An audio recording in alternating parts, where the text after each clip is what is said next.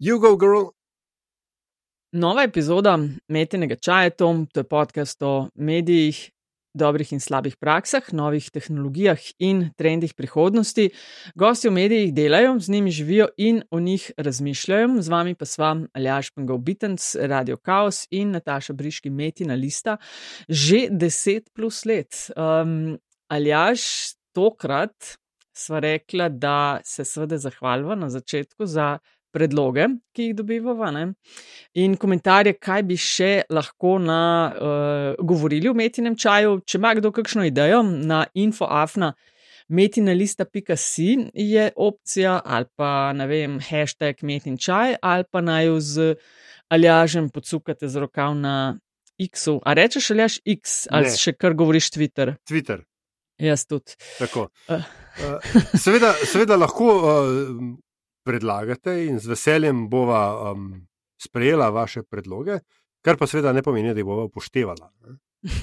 Če se malo pohecamo. Ampak ja. Uh, eden, eden od uh, predlogov se je zgodil že v prejšnji epizodi, ne, kjer smo imeli tako prav zanimivo kolaboracijo, oziroma kolab, kot se temu reče ponovno, uh -huh. uh, uh, z dnevnikom in s fake pengovskim. Uh, tako da danes pa Nataša ima uh, tako, lahko bi rekel, slovensko temo, ne? ker star pregovor pravi, da če daš tri slovence v sobo, boš takoj dobil vsaj pet političnih strank. In to hočemo zdaj v tej epizodi uh, raziskati, namreč zakaj smo takšni, kot smo, ali smo v evropskem, ne vem, svetovnem oziru kaj posebnega, kakšni so rezultati skozi čas raziskav javnega mnenja, zakaj moramo o vsem imeti svoje mnenje in to misliti, da presega kategorijo eh, gostilniškega pulta in tako dalje, in ima izvrstnega strokovnjaka na to temo in sicer je to izredni profesor dr. Samo Uhan iz FDV. Pozdravljeni. Lepo pozdravljeni in hvala za vabilo. Se, zelo, se zelo veseliva te debate, uh, profesor Uhan, ker uh, vem, da se s tem ukvarjate zdaj pa že kar debelo. Dolgo vrsto let, raje ne bi povedal, koliko. ok, ampak vas pa bova prosila za začetek, če lahko, ker je takšna praksa metinega čaja. Za tiste, ki vas ne poznajo, a lahko nas na kratko sprehodite skozi vašo kariero. No? Kdo ste, kaj ste, kje ste, kaj delate? Torej, jaz sem samo Han, Eh, predavam metodološke in tudi vsebinske predmete na fakulteti za družbene vede, kjer sem bolj ali manj tu začel s svojim študijem, vmes malce, tako kot zahtevajo naše pedagoške, akademske vzance, šel tudi v tujino, upravil kakšno dodatno izobraževanje eh, in se zopet vrnil domov na matično fakulteto, kjer se dobro počutim, kot veste, je to fakulteta za družbene vede.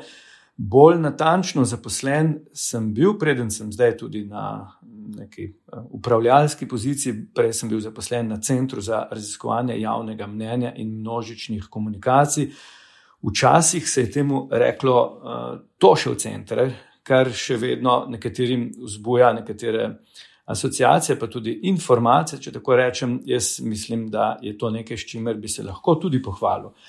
Eh, torej, center, ne jaz, center je uh, institucija, ki od leta 66, se mi zdi, čisto za res, pa od 68, sistematično spremlja razmišljanja ljudi o najbolj pomembnih izpostavljenih temah. In če rečemo 66, to je globoko v prejšnji državi, prejšnjem sistemu, prejšnjih časih, v vseh pogledih, in to nam da možnost nekaterih zelo zanimivih eh, primerjav eh, v 50-60 letni eh, zgodovini, kar pa bomo lahko mogoče kakšno zadevo tudi pokomentirali danes. Profesor Ohan, ena od um, stvari, ena od raziskav, ne, ki jo uh, Centr za raziskave javnega mnenja dela, je um, tudi ta. Ne, Raziskava slovensko javno mnenje, Tako je, ja. ki če se mi boste oprostili, če sem pozabil terminologijo ne, iz mojih časov na FDV, bi jo lahko rekel tudi, da gre za neke vrste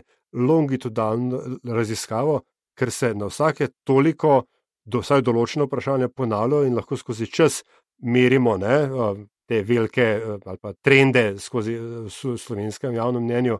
Pa me zanima, ali smo slovenci res danes bolj skegani, kot smo bili recimo vem, leta 88? Uh, 88 in še prej, 68 bi lahko rekli, ker tudi imamo za takrat te podatke. Uh, jaz bi uporabil neko drugo oznako, rekel bi, skregani smo, ali smo bolj ali ne, je težko reči, smo pa drugače skregani. Ne? Skregani smo, skregani smo bili takrat. Uh, mogoče se je takrat zdelo, da smo bolj skregani s politiko, kar vas bo mogoče presenetilo. Danes pa smo skregani vsi z vsemi, ne? se pravi, brez ene jasne strukture in mogoče tudi motivi, zakaj so, smo skregani, so nekoliko drugačni. Zdaj, če se malce bolj natančno izrazim, eh, ne da smo bili, bili ravno skregani toliko let nazaj, imeli smo zelo različna mnenja o večini pomembnih stvari, ki so se včasih izkazala eh, tudi kot mnenja uh, običajnih ljudi proti elitni politiki. Takrat, kar z eno zanimivostjo bom takoj postregel, ker je danes ta aktualna. No, in hkrati nam govori, kako noč nismo rešili. Tudi pred 60 leti smo spraševali ljudi, koga bolj podpirajo v takratni arabski vojni, ne, vojni z Izraelom. Takrat, um, in nekako je uradna politika pričakovala jasno podporo takrat uradni politiki, torej uradna politika, uradni politiki, to pa je bila podpora uh, Jaserju Arafatu v Palestini. Eh, ne. Eh, zanimivo, da so podatki, podatki za takrat pokažejo, da so bila mnenja že, o tej temi že takrat razdeljena in je dobršen del eh, ljudi eh, razmišljal eh, mnogo širše o tem konfliktu, upoštevajoč eh, mogoče bolj Eh, širše zgodovinske, geopolitične okoliščine in ne samo dnevno politiko. Mnenja so bila takrat o tem konfliktu razdeljena, recimo, da je bilo pol-pol, in to je bilo kar veliko presenečenje za takratno politiko, ki je vendarle pričakovala bolj sinhronizirana stališča ljudi, sinhronizirala v smislu usklajena z uradno uh, politiko.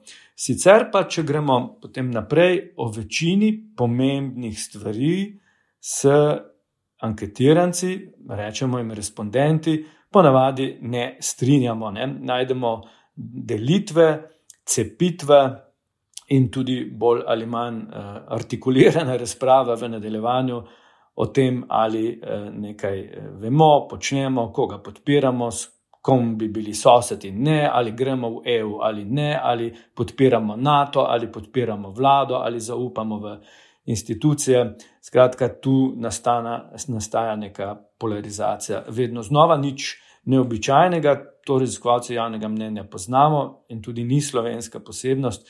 Druga stvar je pa, na kakšen način o tem potem razpravljamo, ko uh, ti naši podatki zapustijo računalnik ali pa raziskovalni center in jih posredujemo medijem. Omenili ste, da smo danes drugače skregani, da smo vsi z vsemi, pa da polarizacija ni nekaj, kar je od včeraj, ampak da smo zdaj pa drugače. Kaj po vašem, kaj identificirate vem, kot glavne elemente te drugačnosti? Nič novega ne bo.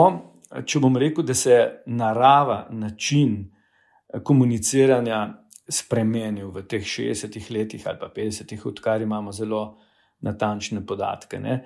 Uh, torej, en paradoks, eh, na katerega moram opozoriti na začetku, eh, je na delu, če tako rečem, ga takoj opazimo. Eh, živimo v času zanesljivo poplave informacij, ne samo poplav, ki se jih bojimo, kot naravnih danosti s pomočjo človeka, ampak živimo v času poplave informacij. In s tem v zvezi lahko rečemo, da nastaja tudi neka inflacija informacij z znanim učinkom. Če govorimo o inflaciji, vemo, da nekaj izgublja vrednost, postane razvrednoteno. V primeru informacij se izgublja seveda kredibilnost informacije ali pa tudi govorca ali pa vira uh, informiranja. Ne? Ta kredibilnost zelo očitno, evidentno pada in je zelo nizka. Ne? Končna količina vedenja, ne? znanja, pa je zaradi prevelikega števila informacij, in to je paradoks, manjša. Se pravi, mi nimamo več tistih, ki, so, ki imajo mandat, da interpretirajo, ne, ker so izenačeni vsi. Uh, in uh, končna, uh, končna situacija ali pa učinek te poplave, pa niže kredibilnosti, je, da vsi skupaj manj vemo, čeprav imamo uh, neskončno obilico informacij, do katerih tudi z lahkoto uh, nas, uh, dostopamo. Se pravi, ta okoliščina, ki sem jo zdaj opisal, seveda močno vpliva na raven in pa tudi eh, tip javne eh, debate. Ne. Včasih eh, se je tudi kvantalo, smo rekli, ne. ampak se je to zgodilo na, eh, v prostorih, ne, ki so bili manj formalni. Ne. Si šel v eh, popoldne na zasluženo pivo in si seveda pokritiziral oblast, vreme, eh, politiko, svetovne dogodke in se je to vedlo, kakšen status ima. Ne. Eh, danes tega ne naredimo na ta način, ampak eh, naredimo tako, ne, da ehm, to vidijo drugi. Naredimo tako, da ima nek močan učinek, računamo na razburkane strasti, Eh, in nekje na tej poti se zgubi resnost eh, komuniciranja, zgubi se tudi argument, eh, in pravzaprav nastane neka kakofonija mnen, stališč, kjer rečemo na koncu: Dobro, vsak ima pravico, da pove, kaj misli, gremo naprej. Ne? Ampak ta gremo naprej, ponovadi ne pomeni kakšnega napredka. Ne? Ena od stvari, Popravite me, če se motim, ampak se mi zdi, da jo slovensko javno mnenje meri, je raziskava, ne, je tudi odnos oziroma zaupanje v medije. Zdaj z Natašo, seveda, že deset in več let v tem podkastu ugotavljava, da imamo, imajo mediji um, pred sabo vedno večjo domačo nalogo, ker jo vedno težje opravljajo in se ukvarjajo sami sabo. Um, ampak vendarle, ali gredo stvari v odnosu med uh, ljudstvom in mediji, da tako rečem, navzdol, navzgor, plimujajo sem in tja, kje smo tu. Um, ja, res je. Uh, leta in leta upravljamo uh, raziskavo na, temu, na temo zaupanja. Tukaj je nekaj značilnosti. Um, v Sloveniji, če že zaupamo komu, je to neka oblika personaliziranega poosebljenega zaupanja, ker moramo nekoga poznati, ali pa se nam vsaj zdi, da ga poznamo, da je pomembna, izpostavljena, recimo javna medijska osebnost, ali pa zaupamo komu v domačem krogu. Zdaj, eh, mediji delijo to usodo, razmeroma nizkih stopenj zaupanja. To lahko povem, da če Slovenijo primerjamo z drugimi državami, ne samo tistimi, s katerimi smo se včasih primerjali zaradi narave političnega sistema, ampak nasploh. Evropa, pa tudi svet, imamo nekatere izkave, potem se uvrščamo v spodnjo polovico držav, v katerih prebivalci izražajo neko stopnjo zaupanja v delovanje institucij, države in tako naprej. Mediji eh, niso najnižje na tej lestvici, zdaj točno konkretnega podatka nimam, lahko vam pa povem, da niso v zgornji polovici. Um, in zdi se, da je to nekako povezano tudi z um, značilnostmi ne, ali pa transformacijo tradicionalnih medijev v, v, v medije, kot jih danes poznamo, elektronske, pa tudi socialna omrežja.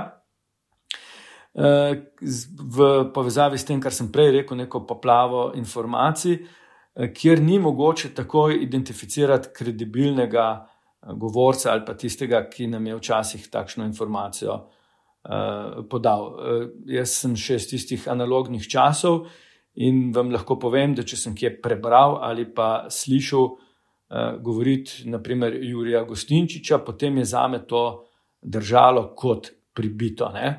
Iz lastne izkušnje lahko povem, da že dolgo časa nisem deležen teh uh, občutkov, ne glede na medije ali pa medije, ki jih spremljam, nihče ni za me takšna referenca, da bi mu verjel na slepo.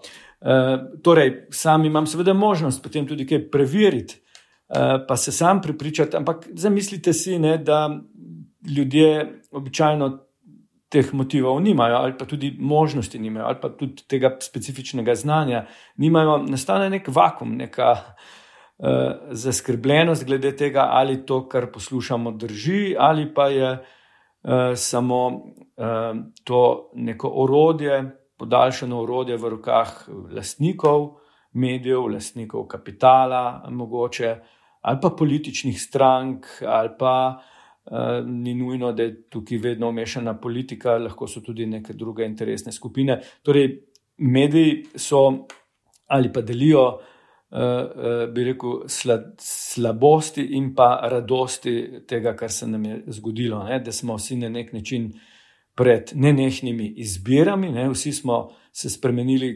Konec koncev tudi v potrošnike, če hočete, tudi potrošnike medijskih vsebin, In uh, se nam zdi, da lahko potem povsem legitimno rečemo, da ima nekaj okus, nekaj pa nima, nekaj nam povzroča slabost, kaj pa tudi glavobol. Uh, se mi zdi, da je tukaj stvar res, res popolnoma uh, drugačna. Jaz bi tukaj zdaj omenil še en uh, paradoks, ne, ki smo ga uh, tudi uh, potrošniki medijskih vsebin uh, deležni. Ne. Včasih je veljalo, ne, da je skrivanje informacij ali pa imeti neko informacijo, do, katere, do katerih eh, drugi nimajo dostop, veljalo za nek prestiž. Ne. Recimo, neka politična elita ne, je, ali pa če gremo bolj v popularno kulturo, ne, vrhunske eh, službe, ne, so imele neke informacije in so jih skrbno spuščale v. v v, ja, v medije. Ne. In je veljalo, da je to stvar prestiža, malo je bilo tudi enigmatično. Kaj se nam pa danes dogaja? Ne? Eh, da eh, tisti, ki, bi, ki so nosilci oblasti ali pa celo nosilci institucionalnega zaupanja, ne? najvišji politiki, mnenjski voditelji, uh, menedžeri in, tak, in tako naprej, naravnost tekmujejo ne v skrivanju informacij, ampak nas preplavljajo z svojimi pogledi, stališči, mnenji. Ne? Se pravi, nekako z nekim populizmom se soočamo, kjer nihče več informacij ne skriva, ampak nasprotno jih ponuja v neizmernih eh, količinah, kjer jih običajni uporabnik skoraj da ne more več sprocesirati in, in prebaviti. Ne? Se pravi, tudi pomembni eh, nosilci funkcij pravzaprav vse razkrivajo, vse pokažejo. Še preden resen, kredibilen novinar želi nekomu nastaviti zanko ali ga pa vprašati, že ima vse, kar hoče. Ne? Eh, jaz bi dal tukaj en najbolj uh, svež uh, primer, ki smo bili, bili deležni, ne pomembno, uh, potem, kako se do tega opredeljujemo. Ampak uh, zdaj smo slišali nekdanjo direktorico policije, uh, ki se je spremenila v političarko, še vedno nastopala z auro visoke profesionalne in, stru, in, in, in strokovnosti, in pravzaprav takoj po nekem sporu ne, šla pred medije in spregovorila o vsem, ne, o vsem, ne, brez nekega zavedanja, kaj to pomeni za uh, institucijo, bivšo, sedanjo, preteklo ali pa za interes države. Nekako v, v medijih se brez vseh filtrov pojavijo uh, informacije, za katero bi, bi včasih uh, veljalo, da so top secret v interesu uh, države. Ne. Zakaj uh, to uh, počnejo? Ne? Uh, najbrž gre za nek učinek, ne, na katerega računaš, ali želiš uh, nekoga prevladati, ali želiš biti žrtev, ali želiš biti uh, pomemben, ne, kakorkoli pač, ampak to je ta paradoks. Včasih so uh, se pomembne informacije skrivale, resni novinari so opravljali zahtevno delo, da je na koncu prišlo do Watergate ali pa česar koli drugega in je to pomenil nek eh, dosežek. Ne? Danes na ta način pravzaprav eh, mediji ne morete več delovati, ker eh, dobite vse, še preden to želite ne, ali pa zahtevate. Kot ste omenili, ja, zaupanja v medije je manj. Po, se spomnim te valikonove raziskave, smo tam nekje pri dnu, ne pa na dnu, so politiki še nižje in politika. Mene pa zanima ta polarizacijah, kateri nedvomno pripomoremo, tudi mediji, ki pa smo odraz tudi družbe in države, v kateri smo. Kako pa se ta polarizacija, glede na to, da delujete tudi kot profesor, kaže v učilnicah, na terenu, pa vas, ne vem, na FDV-ju? Nove generacije, primerjava s starejšimi uh, in konec koncev tudi artikuliranja mnen, zagovarjanja mnen, eh, prepirljivosti. Kakšno je stanje? Ja, eh, tukaj sem zelo hitro v nevarnosti, da sem lahko tudi krivičen. Ne, na, in to je za me kot metodologa pomembno, da na premajhnem številu primerov posplošujem, pa vendarle bom to naredil. In bom najprej, eh, malce boste presenečeni, Eh, pohvalil študentsko populacijo. Eh, zelo hitro smo, starejši profesori, pripravljeni govoriti, da mladi niso več takšni, kot smo bi bili. Kar je empirično točno, ampak jaz potem rečem, seveda, pričakovano, da niso in tudi še dobro, da ne. Ker eh, z rekel, vzorci ne, vrednot ali pa ravnanj, Eh, ki jih imamo starejši, ne, eh, mladi, nikamor več ne pridejo, ne, ker je njihova naloga povsem drugačna kot moja. Jaz utrjujem neko svojo pozicijo, profesorsko, akademsko, nisem ogrožen, eh, niti nimam več tako spektakularnih ciljev pred sabo, mladi morajo to početi na povsem drug način. So v mnogo bolj, če hočete, manj varni situaciji. Ne, Eh, imajo, eh, bi rekel, manj eh, stebrov, ne, na katere se lahko oprejo, ne, in tudi glede na to, kar smo prej rekli, ne, prezentacija sveta okrog njih je, je drugačna. Ne. Manj je teh nespornih avtoritet, ne. njihovo življenje je v tem smislu drugačno. Če pa ste me zdaj spraševali o, o študentih, ne, Eh, kako to poteka, še vedno potekajo včasih bolj ali manj strastne debate. Mogoče se včasih eh, razhajamo eh, glede tega, kaj je resno in kaj je manj resno. Ne? Jaz imam bolj izdelane predstave ne, o kredibilnosti govorca, pri mlajših je te občutljivosti ne, manj, ampak to ne pomeni, da so debate zaradi tega slabše. So, bom spet uporabil to besedo uh, drugačne. Ne? In tudi jezik uporabljajo na drugačen način. Ne? Zadnjič smo imeli res neko zanimivo debato o tem, ko sem nekako poskušal pojasniti, kaj bi uh, bil končni output uh, komunikacije. Uh, in sem nekako poskušal povedati, da je to, kar se nam zdi kot družbena resničnost, po svoje vedno konstrukt. Ne? Nekako pridemo do tega eh, skozi nek konsens, eh, kjer se moramo na koncu strinjati o tem, kaj smo slišali in kako to razumemo. Ne? Eh, mladi nekako ali pa študenti se s tem niso strinjali. Ne? Se pravi, predstava o tem, da mora na koncu komunikacije nekdo reči, tako je, ne? in ne drugače, teh predstav nimajo. Ne. Eh, je pa res, da je pa potem očitek z moje strani, ne, da so pa mogoče premalo uh, kritični do uh, tega, kar uh, vidijo, slišijo, ali pa da so preveč uh, površni, premalo poglobljeni. Uh, in seveda potem vsak s svojim primerom pridemo na, na vzven ne, in um, ustajamo včasih tudi vsak na svojem bregu. E, dobro, potem na izpitu seveda velja moja, o tem ne debatiramo, e, ampak to morate razumeti zdaj malo kot šalo. Ne, e, ne gre tukaj za uveljavljanje pozicije oblasti. E, je pa tako, ne, e, tudi od profesorja je odvisno, ne, ali lansira teme, ki so intrigantne, ki so aktualne za njih, ki so pomembne. Mogoče boste pa presenečeni, da lahko tudi pri predmetih, imam ga, naprimer, klasične sociološke teorije, ko imate občutek, da se pogovarjamo o vem, spomenikih, pokopališču idej in teorij, da to nikakor ni tako. Naprimer, ne, Marksa je mogoče povezati s Piketijem, ne, aktualnim francoskim sodobnim mislecem, in na to je mogoče navezati teme, o katerih so mladi strastno pripravljeni razpravljati. O vem, podnebni pravičnosti, o potrošništvu, o, o razumevanju pravic posameznika. Ne? Nič, kar je klasika, ni za res pozabljeno. In, in tu moram jaz pa pohvaliti eh, študente. Ne? Niti slučajno ne velja eh, oznaka apatičnosti, nezainteresiranosti.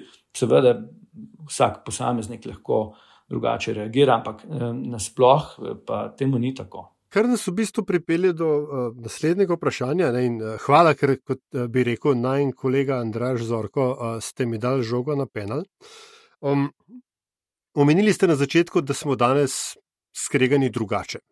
Uh, pa me zanima, ali je to kakorkoli povezano z, vsaj na vides, spremenjeno, kaj se temu reče, ideološko podstatjo za, za današnje debate. Ker ne, se mi zdi, da a, če smo v mojem ali pa natašnem času na FDV-ju se um, svetovno nadzorsko opredeljevali glede na svet okoli nas, se pravi zadnji stadij socializma, razpad Jugoslavije, a, težave, porodne težave nove a, demokratične a, parlamentarne republike.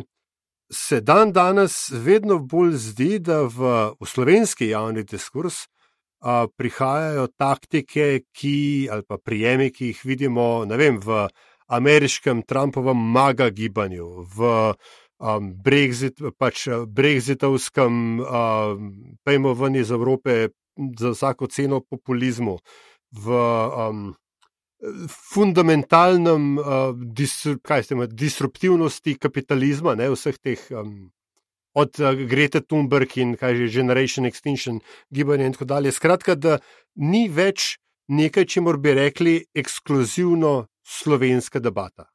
A je ta občutek napačen? Uh, ne pa vsem. Uh, zdaj, uh, takole, ne. Včasih želim biti na svojih predavanjih malce provokativen, pa uporabljam klišeje. Uh, uh, Recimo, zadnjič smo se pogovarjali o ideologiji. Eh, politika je besedo ideologija eh, uporablja in zlorablja. Ne? In študenti jo tudi tako razumejo kot zmerljivko. Ne? Eh, takoj sem prekinil to debato in sem rekel, kaj pa če o ideologiji razmišljamo kot o sistemu idej, ki je vezan na neke vrednote.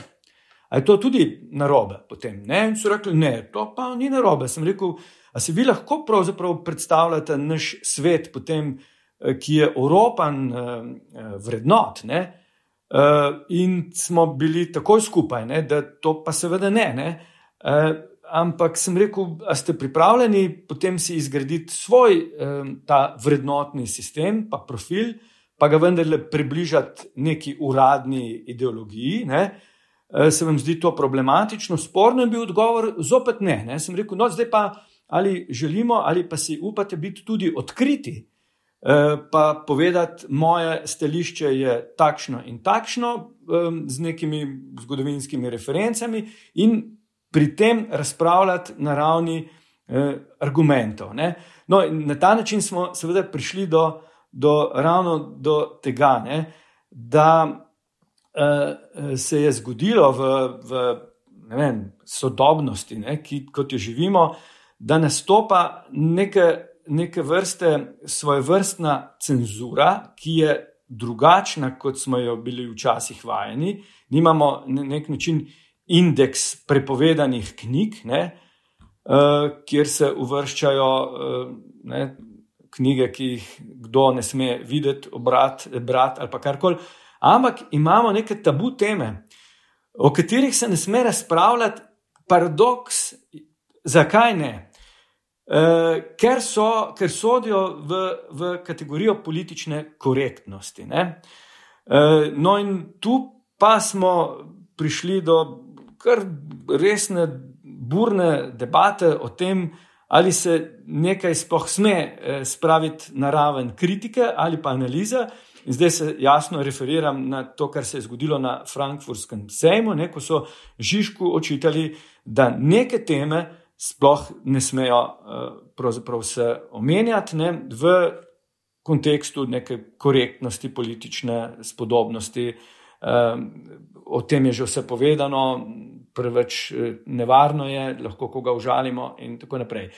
Ne, tukaj gre za način, kako boš o tem razpravljal. Ne. Eno je, seveda, če si seksist, rasist, eh, fundamentalist. Ne. Potem res, seveda, lahko rečemo, ene, o enih temah se sploh ne govori več, ne. sploh pa ne na, na ta način. Sicer pa za, za neko akademsko debato ne sme biti eh, tabu tem. Ne. Tukaj pa naletimo na eno drugo težavo, ki sem jo prej malce omenil, kako smo danes navajeni o stvarih razpravljati. Ne? Uh, Nič ni narobe, če smo pri tem strastni, ni pa nujno, da postane to uh, edin, da čustva postanejo edino učinkovito orodje v, v debati. Kaj hočem povedati? Na, v nedavni debati o kritiki ideologije v, v Frankfurtu, ne, Na sejmu knjižnem smo slišali primer tega, kako mlajša generacija, pa tisti, ki želijo slediti, pa niso mladi, nekateri politiki mogoče, ne, uporabljajo emotikone ne, za, eh, za diskusijo, kjer pride do pravzaprav totalne blokade misli in sicer, ker so emotiki uporabljeni kot orodje, gre za neko ekscesno uporabo čustev.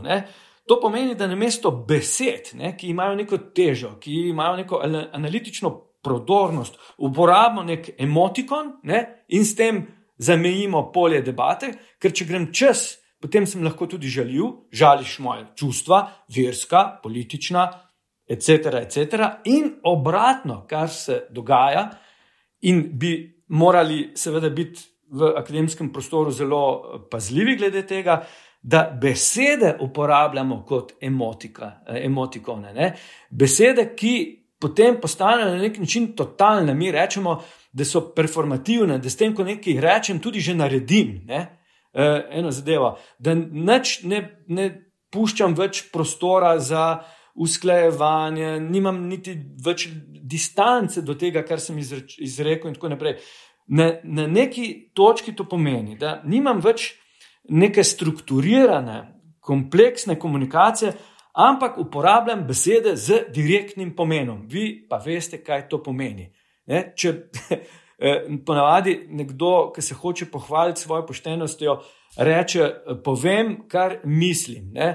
Uh, jaz se zgrozim, če kdo to reče, ker jaz v življenju skoraj da nikoli ne povem tega, kar mislim, pa ne zato, ker bi imel slabe namene, ampak ker tega ne znam narediti ker želim vedno preveriti eh, z sogovorcem, ali to, kar mislim, eh, drži, ne? ker imam distanco do samega sebe, do izrečenega. Ne? Danes se zdi, ne? da mi mlajšim generacijam ne nehno sporočamo, da se morajo boriti za svoje pravice, kar je seveda res. Ne? Ampak jim tudi, in, in hkrati sporočamo tudi, da morajo biti v tem neskončno prodorni, ustrajni, in včasih to pač pomeni, da uh, Eh, govorijo na način, kot uh, to je to, in uh, nisem pripravljen poslušati nasprotnika, nisem pripravljen poslušati kontraargumentov. Ja, kje se seveda to naučijo, ne? če se politika na ta način pogovarjajo, ali pa influencerji, ali pa uh, ko ima nek znanstveni argument enako težo kot nek kvazi znanstven, uh, potem ti seveda ne, presta, ne preostane drugega, kot da se zakoplješ. Ne?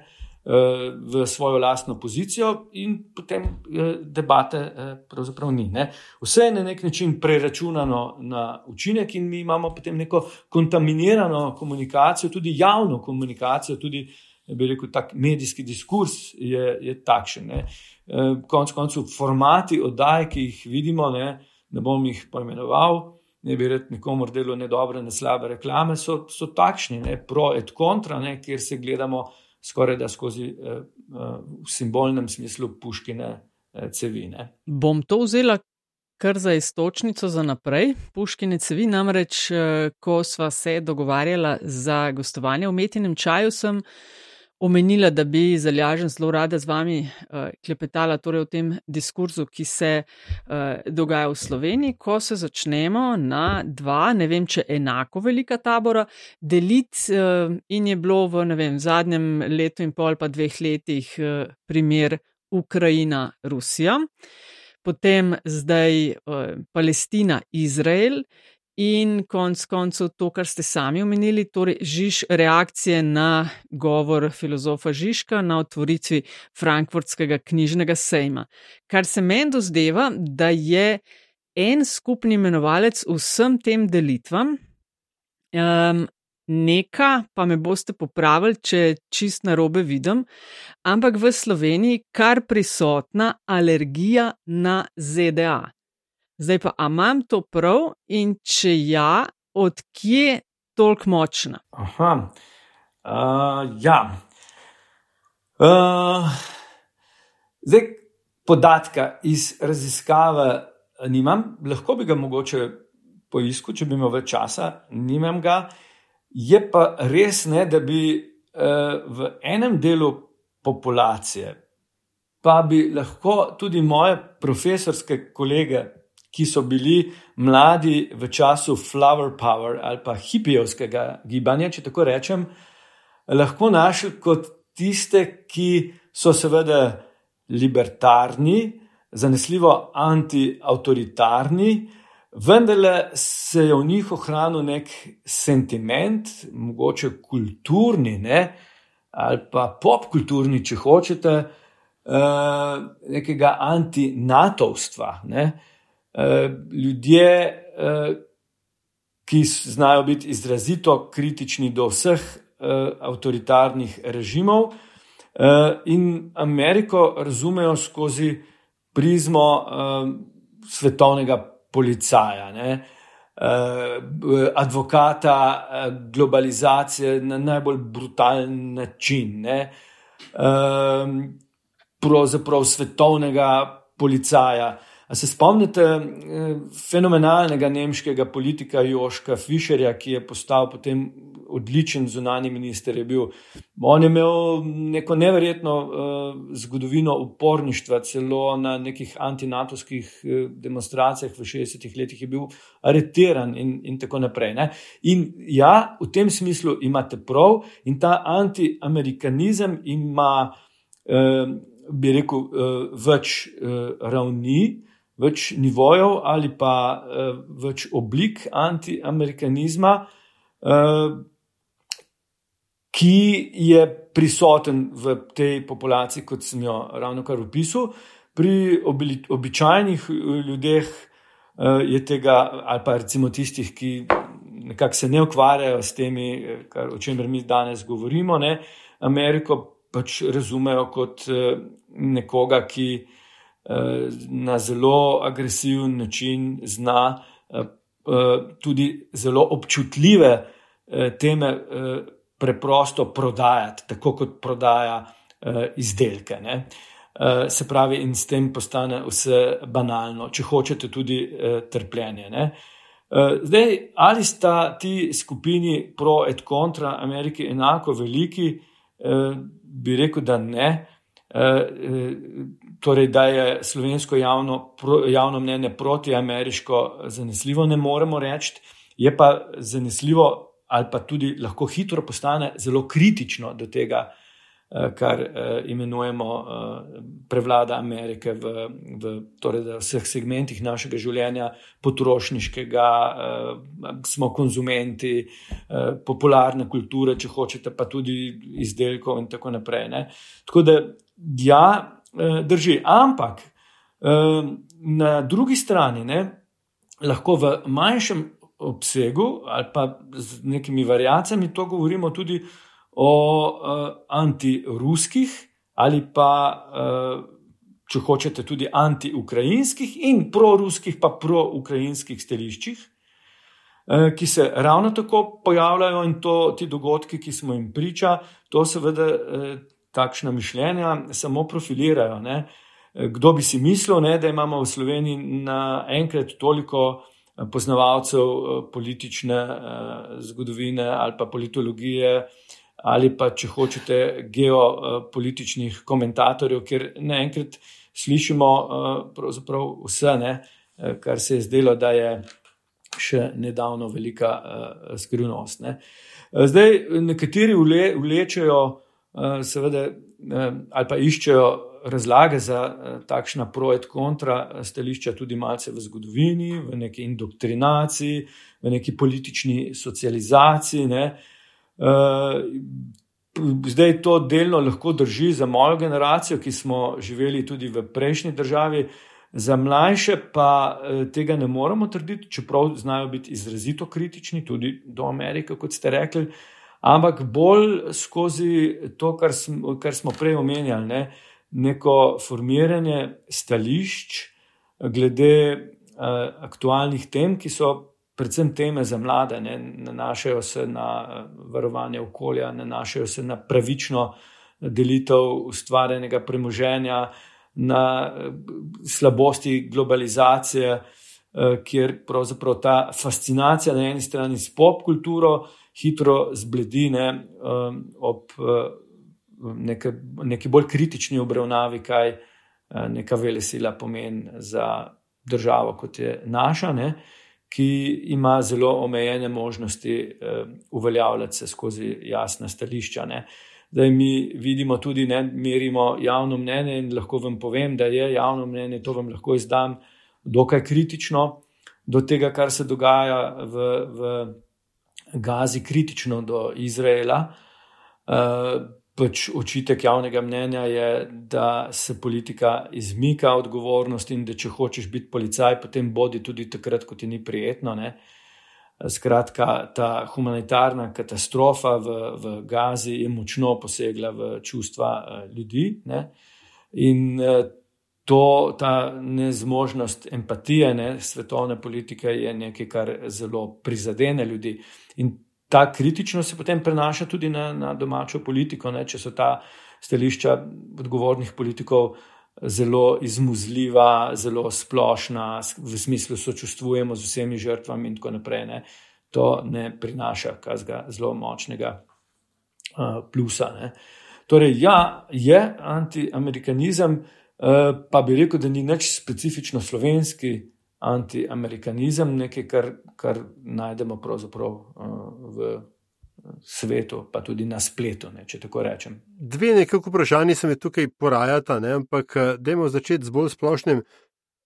Ali je oddaljenost, da ne rečem abstraktnost konflikta, čeprav je to verjetno napačna beseda v danih, v danih razmerah, skratka, oddaljenost in abstraktnost konflikta, ki ga vidimo ne, zgolj na zaslonih naših elektronskih naprav, omogoča, je, ustvarja boljše pogoje za polarizacijo kot um, neka uh, uh, situacija, ne, um, varnostna, okoljska katastrofa, kakorkoli, ki jo, ki jo doživimo v živo. Ne. Ker po eni strani, kakorkoli smo bili, smo, ne, to je tema tega pogovora, uh, slovenci, razdeljeni se je pa v hipu, ko uh, je ujma prizadela Slovenijo, ne, so pa vse te razlike kar naenkrat postale nepomembne. Ne, vsaj za ne, tistih deset dni uh, izrazite solidarnosti je bilo na nek način osvežujoče, ne, ne glede na to, da, da so bile razmere okoliščine katastrofalne. Ja, zdaj, lastnost sodobnih menijo, da to resničnost bolj ali manj filtrirano prinašajo eh, v domove ali kakorkoli pač naše eh, naprave. Ne? Kjer smo pa tako izpostavljeni eh, tipu debate, o kateri smo malo prej govorili, bolj ali manj filtrirani. Daj, včasih, ne, v času klasičnih medijev, tudi elektronskih, je veljalo, da so te resne, resni mediji imeli svoje dopisnike v svetu in je to dajalo neko avtentičnost. Ne. Danes je tega bistveno manj, ne, tega um, imamo zelo skromne možnosti slišati iz prve roke, prve posredne roke, to, ampak pač to konzumiramo na, na zelo oddaljen način, kot ste temu rekli. Ja. Um, zdaj, ali način prezentacije te uh, realnosti lahko vpliva na uh, polarizacijo? Zelo verjetno uh, ja. Zdaj, vi morate vedeti, ne, da v nas je, je neka intuitivna morala, ne, s katero ni nič narobe, znamo biti empatični, vsi socialni, socialno-psihološki eksperimenti kažejo, ne, da nekateri um, klišeji, ki so veljali v 60-ih, 70-ih letih, da bivanje v sodobnih mestih rahlja socialne vezi, da ljudi dela za apatične, hladne, da to enostavno ne drži. Da pravzaprav bi to bilo proti vsem evolucijskim principom, ljudje znamo biti solidarni, znamo začutiti bolečino, ko pa ta prvi šok popusti, ne, ko nimamo več občutka, da gre za neposredno ogroženost, potem pa nas spet pripravijo Eh, drugačni občutki. Ne? Začnemo takoj kalkulirati, kaj pa če nas je kdo hotel krok prnest, pa, so, pa bom za te solidarnosti postal naiven in tako naprej. Zdaj, to, kar se dogaja v, v, v Sloveniji, ne, pa ta solidarnost v poplavah, je seveda lahko. Um, Z lahkoto preverljivo se, se lahko sami zapeljemo do Savinje in pogledamo, kako je. No, kar pa je, seveda, na drugih celinah, ali pa ni nujno celinah, ne, na bližnjem uh, vzhodu, ne, uh, je pa pravzaprav filtrirano ne, ali pa prepuščeno uh, seveda nekim, nekim čustvom. Ne. Da, jaz mislim, da sama polarizacija niti ni, ni problem, ampak uh, bolj ali imamo neko možnost, nek kanal, kjer to frustracijo, ki nastane ob tej polariziranosti, uh, artikuliramo. Ne, lahko ali se to pravzaprav izteče v neko eh, možnost participacije ne, eh, v politiki, tako da je tvoj glas slišan, ali ta eh, participacija pomeni tudi neko spremembo, ki jo zagovarjaš, ki jo želiš eh, videti. Ne, eh, ali imamo nek, potem na koncu nek rezultat. Ne, ki mu uh, rečemo, da to pa je zdaj napredek, ne, ali pa to je nekaj drugega, kar je bil čas. Ne. Zdi se, ne, da, da te neskončne možnosti, ki smo jih dobili z sodobno medijsko tehnologijo, ostanejo tako rekoč neizrabljene za, za, za to artikuliranost, za to piko na koncu. Ne. Ampak nas pravzaprav uh, v resnici uh, bolj kot ne uh, frustrirajo. Ne večajo občutke nemoči. Ne? In, in jasna reakcija je, da če potem imaš občutek, občutek, da nikoli ne bo nobenega rezultata iz tega, da, je, da postajaš na nek način miselni radikalec, v upanju, ne, da bo kdo se vendarle odzval na to, kar si rekel. Ne?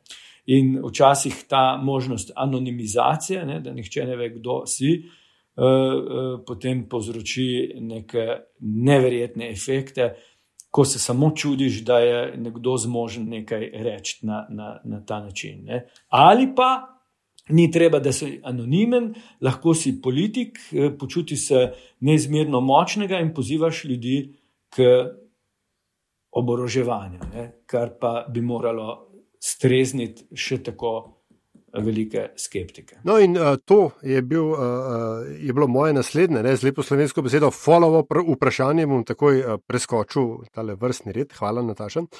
Ali obstaja razlika med polarizacijo in radikalizacijo? In če ja, mislim, da ste jo že večkrat nakazali, uh, kje na tem spektru je po vaši oceni slovensko javno mnenje, kot če ga zdaj poosebimo? Hmm. Eh, ja, najprej odgovor. Ja, obstaja razlika med polarizacijo in radikalizacijo. Ne. E, e, radikalno ne, je, ima to večjo valenco, če tako rečem. E, radikalno razumemo kot nekaj, kar skoraj da ni podvrženo možnosti spremembe ne. in to veže nas ravnanje. Ampak evo, nekaj bi eno zadevo, z enim podatkom bi vam tole ilustriral. V slovenskem javnem mnenju sprašujemo običajno ljudi tudi, koga od naštetih in potem naštejemo vse vrste eh, organizacij ljudi, bi imeli za soseda. Ne? Vprašamo ljudi, ali bi imeli za soseda političnega radikalca, virskega blazneža, narkomana in potem tudi druge posebne benigne uh, kategorije. Uh, tega seveda ljudi ne sprašujemo zato, da bi potem dali pravek ta pravim ne? in bi bil mir v hiši, ampak jih sprašujemo zato, da ugotavljamo neko socialno pa etično distanco in da v nadaljevanju ugotavljamo, kaj je vzrok za to odbojnost. Ne? Zdaj, mogoče je najbolj zanimivo v primeru slovenskega javnega mnenja tole, ne? da po povprečen, običajen slovenc, skoraj da nikogar od naštetih ne, eh, ne bi imel za soseda, mogoče samega sebe v najboljši izvedbi, če se malce pohecam.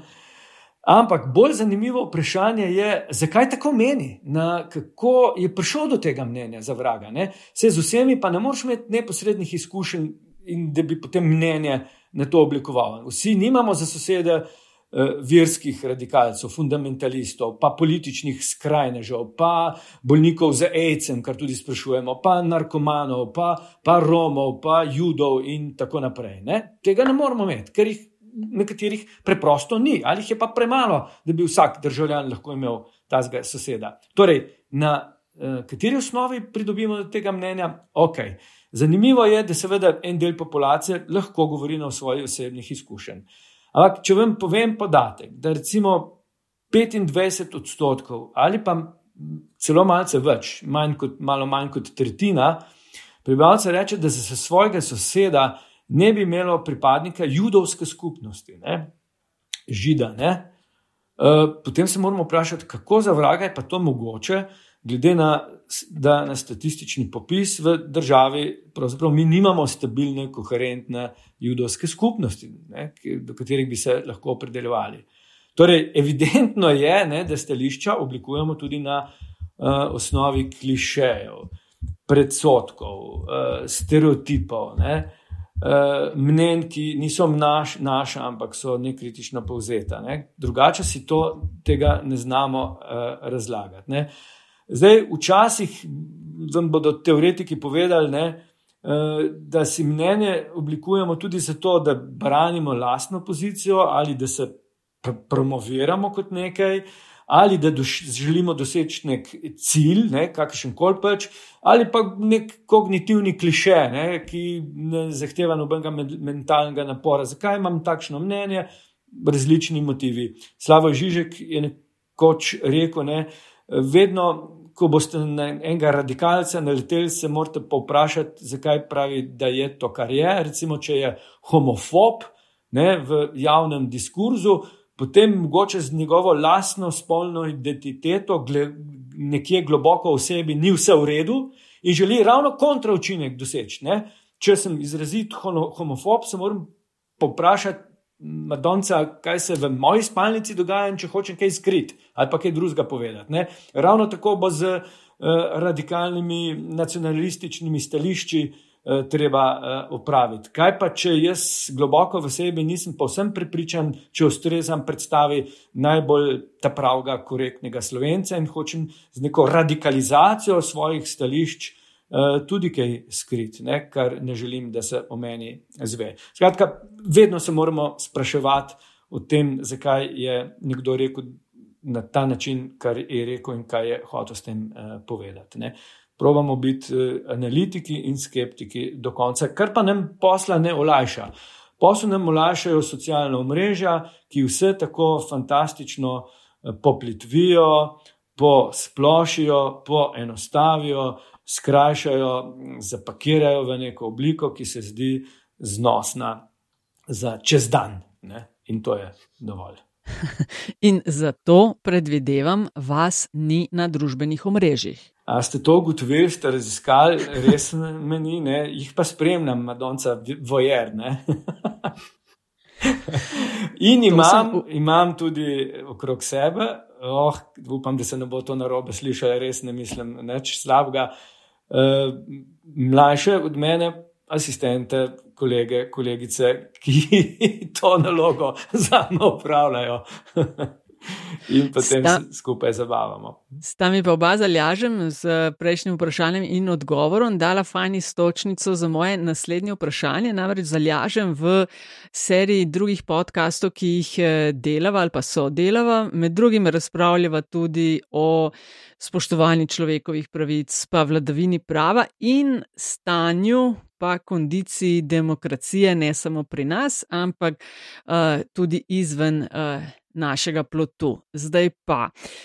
Pred leti, mislim, da je bilo pred leti, dve, tri leta nazaj, morda so v raziskavi Eurobarometer v enem delu je bilo zaznati oziroma prebrati vse večjo ali pa zaskrbljujoče visoko naklonjenost mladih avtokratom. Eh, ne tako dolg nazaj, pa sem pred dnevi brala tudi eno raziskavo glede to vrstnega stanja v ZDA in da demokracija ni več vzdržna kot model, meni naraščajoči odstotek ljudi tam na enem in drugem spektru, seveda na tistih najbolj skrajnih koncih. Ne? A je to eh, v kolikšni meri so razlog za to tudi vse bolj zdrava pamet, tri pikice nastopi politikov in političark, in pa kakšno vlogo imajo pa tukaj tudi morda mediji. Uh, to, kar ste omenili, ja, zaznavamo tudi v mednarodnih raziskavah. Uh, zdaj, um, je, tu je treba biti malce previden, ne, preden rečemo, da je to zdaj že vse prisoten in močan uh, trend. Um, ta distinkcija nastane v posameznih starostnih kategorijah, predvsem med zelo mladimi. Uh, nekatere raziskave eh, zajemajo tudi mlade, 15, 16, 17 let stare. Najdemo, eh, med njimi najdemo tiste, ki bi eh, želeli stvari urediti na hitro in brez nepotrebnih zapletov, in jih fascinirajo pravzaprav osebe z avtoritarnimi atributi. Težava je v tem, da pri tej populaciji um, zmanjka potem ta zmožnost analitičnega premisleka oziroma razumevanja, kaj to v resnici pomeni. Nimajo še prave zmožnosti primerjave, tudi znanja jim manjka. In um, jih zelo hitro uh, fascinira tudi medijska um, prezentacija. Ne? Recimo, nekateri od, odurni avtoritarci lahko postanejo popkulturni fenomen. Ne. Jaz jih, eh, Andrewa bi omenil, pa ga ne bi želel niti imenovati z eh, primkom, ne. da ne bi koga napeljal. Pa recimo to, kar se v Argentini dogaja z enim predsedniškim kandidatom, ki uporablja govorico. Sproščenega rokarja, ne? nekoga, ki si upa reči, kar mu pade na pamet, in, in, in ki se mu zdi, da je to neka procedura demokratična, ena obupna navlaka, rezervirana za starce, ki niso sposobni nobenega eh, realnega produkta dati eh, od sebe. Ja, potem pa se stvari korigirajo. Eh, in, in če ljudi vprašamo v Sloveniji, pa tudi druge, eh, ali je pravzaprav eh, ima demokracija kakšno realno alternativo. Ne? To ljudje odgovarjajo na to vprašanje in ne z enim hudim navdušenjem nad demokracijo, ampak na koncu nekako stoično, pravzaprav je nima. Ne. V resnici je to najbolje od slabega, ne, kar imamo, malo počrčilovsko, eh, in se ti trendi stabilizirajo. Je pa seveda onkraj vsakega dvoma. Ne. To, kar se je zgodilo v Ameriki, ne, tukaj nimate kliviča oziroma delitve na demokrate pa republikance z vidika enega dela populacije, ehm, recimo pauperiziranega srednjega razreda, zaradi neoliberalne paradigme od Regana naprej, je to eh, prva generacija, katerih otroci bodo slabše živeli, onkraj vsakega dvoma in najdejo krivca, seveda, v v skorumpirani politični eliti, ne glede na predznak eliti, ki se je popolnoma prodala in pa predala ne, kapitalu. Tudi, ne. In seveda potem govorimo o tako imenovani neki javnomnenjski objesnosti, ne, ker se en del teh eh, frustracij tudi v protestne glasove preoblikuje, ki jih potem mi zaznamo kot glasove proti demokraciji, za avtoritarnost in, in tako naprej. To, to so večna vprašanja, z njimi nikoli ne upravimo. Ne. Zdaj, jaz bi tukaj rekel, citiral bi enega od teh mislecev um, Frankfurtske kritične šole, ki je rekel, prva naloga uh, zjutraj, ko vstanemo, bi vedno znova morala biti, da se vsak dan posebej odločim, da ne bom fašist. Ne? Uh, kaj hočem s tem povedati? Ne fašist v smislu občudovalca Mussolinija, ki se dere z balkona, ampak to, kar pravzaprav je esenca fašizma. Ne? Ta globoka rigidnost duha, neelastičnost, neempatičnost, nesposobnost stvari razumeti z širših kotov, uh, netolerantnost, nesolidarnost. Ne? Ta pravzaprav globok strah, da me vse, kar je drugačno, pa malo eh, drugačne barve, ogroža. Ne, to bi moral pravzaprav vsak, ki ima možnost javne besede. Ne, In to velja za politike, novinarje, akademike, storiti zjutraj, preden karkoli naredi, ko se pogleda v ogledalo. Um, če počasi ta pogovor um, pripeljemo uh, v, do konca, ne, oziroma hkrati tudi do začetka, um, če smo uh, začeli ne, s, s, s to mojo um, primero o treh slovencih in petih političnih strankah, če smo skozi ta pogovor ugotovili, um, kdo, no, malo pošalim, kdo slovenci smo. Ne, Je zdaj, vsaj moje zadnje vprašanje, uh, profesor Dr. Uhan, za vas, če vemo, kdo smo, povejte nam, kam gremo. Uh, gremo v prihodnost, ne, kot uh, znanstveniki stojimo na diskurzu, ne, da je preteklost nekaj, o čemer razpravljamo, prihodnost ustvarjamo, mislim, sedanjost ustvarjamo in živimo, o prihodnosti fantaziramo ne, in si jo po svoje prikrajamo in, in želimo. Um, ja, um, na koncu bi moral biti malce zdaj, eh, eh, ali pa sem lahko malce ciničen in rečem, prihodnost je bila včeraj lepša. Seveda pomeni, ne? kaj hočem povedati. Ne? Da tako pravzaprav si moramo narediti življenje znosno, razumljivo in včasih si ga naredimo. Če nimamo drugega, tudi tako, da smo malce žleht do drugega, malce cinični, ne, malce ošabni. Zdaj, eh, če to ustane v enih eh, zelo vladljivih okvirih, je to pač lastnost človeka. Če pa hoče biti sistem ne, takšen, potem pa ni to dobro. Ne. Potem je pa naloga nas vseh, da rečemo, ok. To, kar je meni kot nepomembni eh, mravljici v sistemu dovoljeno, ne more biti dovoljeno sistemu samemu po sebi. Ne. Zato pa ga imamo, da nas nekako nazaj drži, pa korigira. Ne.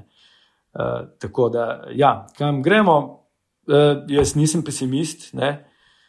Uh, tudi se ne bom zatekel v kliše, da sem pač realist, ker ne vem natančno, kaj to pomeni, ampak neka upornost, ustrajnost v tem, da je življenje vredno, da ga uh, najprej sami živimo, pa omogočimo, da ga drugi tudi na vsaj tako dober način kot mi sami, da je za to vredno kaj narediti. No, Še jaz imam eno za finale. Ste omenili v vodoma, da uh, osebe ali pa osebnosti kot Jurija Gostinčiča zaenkrat uh, nimate ali pa ne vidite nikogar v medijih, na kjer bi se lahko tako oprli, kot uh, ste se morda na včasih. Me pa zanima, kaj, uh, kakšna je medijska dieta profesorja kot ste vi, ki spremlja to, ki pozna v drobovje naše delovanje, tudi medije komuniciranje. Kako to zgleda pri vas na dnevni, ne vem, tedenski, letni ravni, na domači in tuji sceni? Kaj najprej odprete, preberete, česa, česa morda nikoli ne, in tako dalje? O, ja, nekaj bom povedal, nekaj ne, seveda ne. Okay, uh, eh, torej, zdaj tako. Ne, uh, nikoli ne boste od mene slišali, da ne gleda televizije in s tem hotel neko, nek elitizem zganjati, da to ni na nivoju, da bi to sploh počel. Ni res. Ne. Jaz res, res neizmerno veliko količino informacij zbiram, spremljam, procesiram, gledam medije. Jaz že zelo zjutraj, jaz sem zgoden jutranji tip. Ne. Uh, pa, vča, pa tudi pol nočni, ne? in jaz zelo zgodaj začnem uh, spremljati uh, uh, recimo elektronske izdaje, ki so mogoče malo bolj hitre kot naše. Guardian je prvo, kar zjutraj pogledam, preberem, preletim. Ne? Uh, politiko pogledam, ne? Uh, malce ne? primerjam. Uh, mogoče boste presenečeni, zelo rad spremljam tudi uh, Al Jazeera Balkans, ker se mi zdi news service za ta del Evrope uh, zelo kakovosten. Um, primerjam med sabo in potem začnem opremljen z jutranjo dozo uh, šoka, ne domače medije. Ne. In zato moraš imeti kar kondicijo, se mi zdi. Ja. Uh, neč katastrofičnega nočem reči, ampak probam vedno tako malce uh, primerjati. Ne. Spletne, nekaj imam naročenega, seveda v fizični obliki, še vedno sem analogen, tip, kar zadeva knjig, eh, revije, kolikor se le da. Ne. Uh, ampak skozi, vedno, ne, ne prestano. Kar nas pripelje do um, tradicionalnega zadnjega vprašanja o umetnih čajih, že več kot desetletje. Uh, če smo začeli s tem, da ste nam povedali, kdo ste in kakšna je vaša um, karjerna pot. Ne? Nataša, kje končamo? Končamo pa vedno pri zanimivosti, da torej gosta in gostjo pobarava, da z nama in vsemi, ki nas zdaj poslušajo, delimo.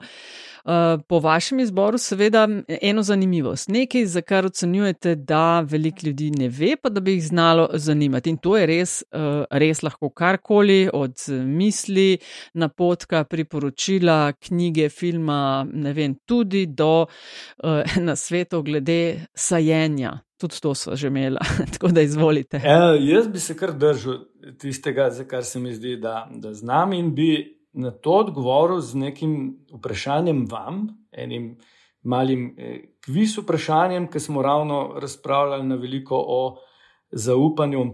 In bi rekel takole, ne, sprašujemo ljudi po celi Evropi, tudi v Sloveniji, seveda. Če odmislite, vse neprijetnosti, ki so se vam zgodile. Ne? Ali bi rekli, da je treba ljudem nasplošno vnaprej zaupati, ali pa je treba biti v vsakem primeru z njimi zelo previden. Kaj mislite, kaj pravi, glede na kar veste, večina državljanov Republike Slovenije? lahko pa tudi primerjalno odgovorite na to, ali se slovenci kaj razlikujemo. Torej, zdaj, prej smo govorili o medijih, politikih, to vemo. Ne? Kaj pa, če tukaj akterja zamenjamo, pa razmišljamo o sočloveku? O sočloveku. Torej, aj treba biti eh, tudi tako slehernikom, ko se ozremo okrog vnaprej. Previden ali pa nekaj lahko mu zaupamo, Bjanko. Kaj bi rekli, da večina državljanov Republike Slovenije na to odgovori? Ker to, pomeni, to, to potem pomeni, ne, da moramo v luči tega razumeti tudi vse, kar smo danes govorili. No, Nataša, ti si prva na izpitu. Hvala lepa, imam odgovor. Jaz, mislim, jaz bom stavila na obe opciji. Recimo. Jaz mislim, da smo slovenci sumničavi, me pa ne bo presenetilo, če je uh, rezultat tudi drugačen. Okay. No, jaz bom pa rekel, da v skladu s pregovorno slovensko hipokrizijo, ne, seveda druge vedno kritiziramo, ampak v hipu, ko smo pa mi v enačbi, smo pa pripričani, da smo a, zaupanje vredni in solidarni, in da a, je treba pristopiti z nekim pozitivnim, ne, z pozitivno noto so človeku, tako da bi rekel, da smo večinoma za, za pač, odgovor, ki implicira zaupanje do človeka. Ja, ok, odgovor tako po Stalinovsko bi rekel, obe opciji sta slabši, kako le rečemo. Zdaj, tako je. Ne? Večina eh, državljanov naše države meni, da je treba, ne glede na to, s kom imamo opravka, pa magari gre za tiste okrog nas, biti vnaprej zelo, zelo previden. Aha. Skratka, smo sumničavi, skeptični. Razlago, ki jo imamo pri roki, je, da količina socialnega kapitala, razvejenost v mreži, kakovost teh mreži, lahko to korigira. Ne? In tukaj smo spet, slovenci, malo posebni, ta naša socialna mreža, in zdaj ne mislim na te elektronske socialne mreže, ampak v klasičnem sociološkem smislu, ne? ta networking da so naša malce premalo široka, premalo razvejena. Bolj ali manj se vse v familiji dogaja, med mogoče najbližjimi prijatelji in sodelavci, in če tam zaškripa, je potem vse narobe. Ne? Nimamo teh ekvivalentnih, teh backupov, ne? ki bi nam uh, nadomestili. Če ne gre prav tam, kjer mislimo, da bi morali iti prav. Ne? In tudi ta sumničevost. Uh, smo na spodnji uh, strani lestvice, skupaj z srednjeevropskimi in balkanskimi državami, kontra, recimo, Fincev, kjer pa večina Fincev reče: da je vnaprej treba zaupati, če gre pa polno roba, smo pa že premislili. Ja, tipična slovenka sem torej, ali jaš ti pa ne. Profesor Samo Uhan, najlepša hvala eh, za zanimivost, odlična je bila in za gostovanje v Metinem čaju. Eh, jaz sem od prve minute dalje zelo uživala. Zelo poučno, hvala lepa. Hvala tudi vam za vabilo.